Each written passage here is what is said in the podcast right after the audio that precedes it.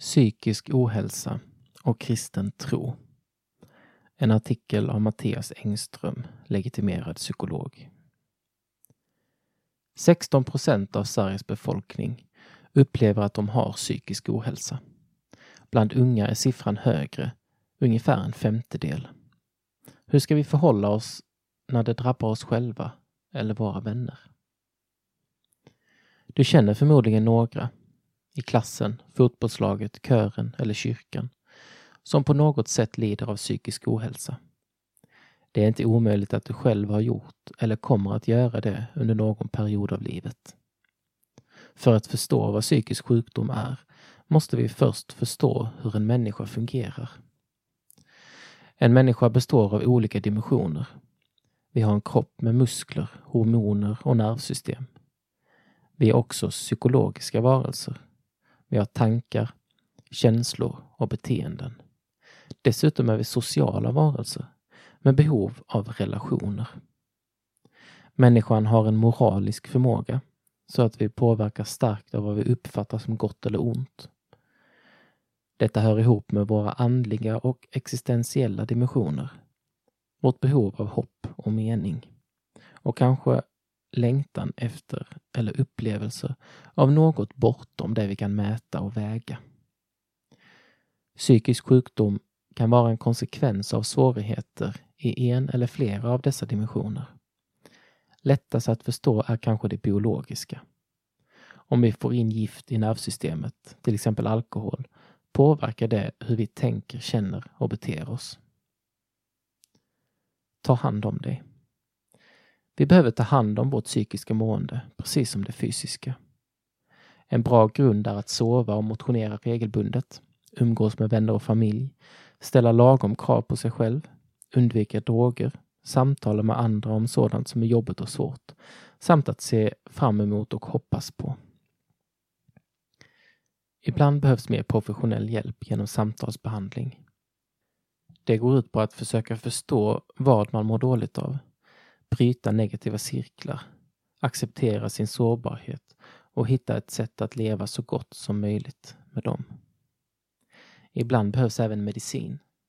Man kan få professionell hjälp via skolhälsovården, ungdomsmottagningen eller vårdcentralen. Behandling sker nästan alltid genom att man kommer på samtal några gånger i månaden under en period. I något enstaka fall kan man få bli inlagd. Det är framförallt om sjukvårdspersonal tror att man kan skada sig själv eller andra. En skadad värld. Utifrån en biblisk världsbild lever vi människor i en skadad värld. Skadorna finns också i oss människor i alla dimensioner. Fysiskt, psykologiskt, moraliskt, andligt, socialt och så vidare. Detta leder till lidande som mer eller mindre drabbar oss alla på olika sätt. Att vi drabbas av psykiskt lidande är inte konstigare än att vi drabbas av andra sjukdomar eller skador. En kristen tro, oavsett hur stark den är, gör dig inte osårbar för psykisk ohälsa.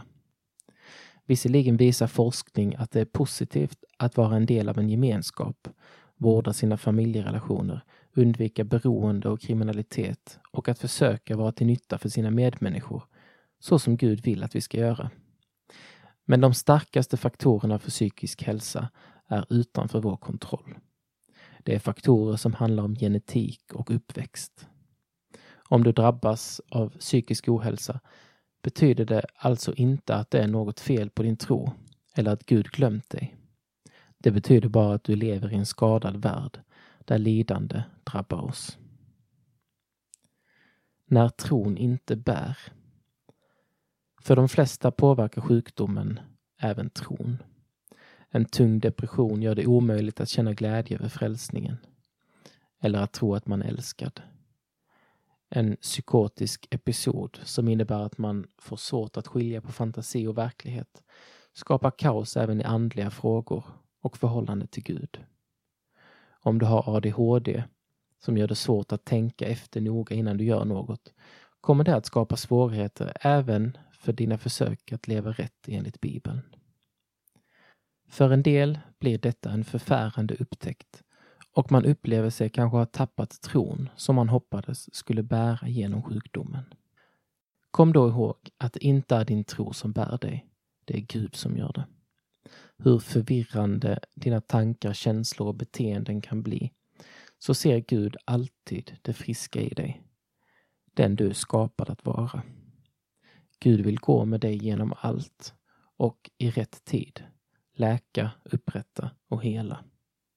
När Jesus tog på sig våra synder på korset gäller det också de skador och brister som finns i vårt psyke och allt vad det kan ställa till med. Allt detta gäller även om du i din sjukdom inte har förmåga att förstå eller känna det.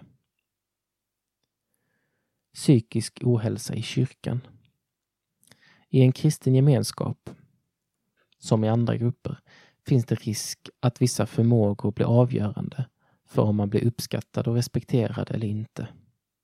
I någon församling anses det kanske fromt att vara glad, aktiv och framgångsrik. Då kan nedstämdheten bli något skamligt som man tvingas dölja.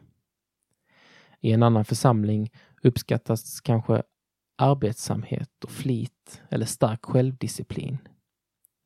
Ytterligare andra värdesätter kanske förmåga till starka gudsupplevelser eller ett strängt samvete med starka skuldkänslor. Jag har ibland funderat på hur det hade varit att växa upp i mitt kristna sammanhang om jag haft ADHD så att jag sällan kunde sitta still, vara tyst, lyssna på andra eller hålla tillbaka impulser. Hade jag ändå känt mig välkommen i söndagsskolan, kören och ungdomsgruppen? Eller hade mina brister tolkats som att jag var en dålig kristen? Alla har samma värde, oavsett fysisk förmåga. Och vi behöver vara vaksamma så att inte psykiska förmågor görs till krav eller måttstock för hur vi värderar varandra. När det drabbar min vän. Ibland kan en psykisk sjukdom skapa lidande även för den sjukes vänner och anhöriga. Om du känner någon som blir psykiskt sjuk kan du känna dig rädd, orolig, arg, förvirrad eller ledsen. Det bästa du kan göra som anhörig är att hjälpa den sjuke för att få professionell hjälp.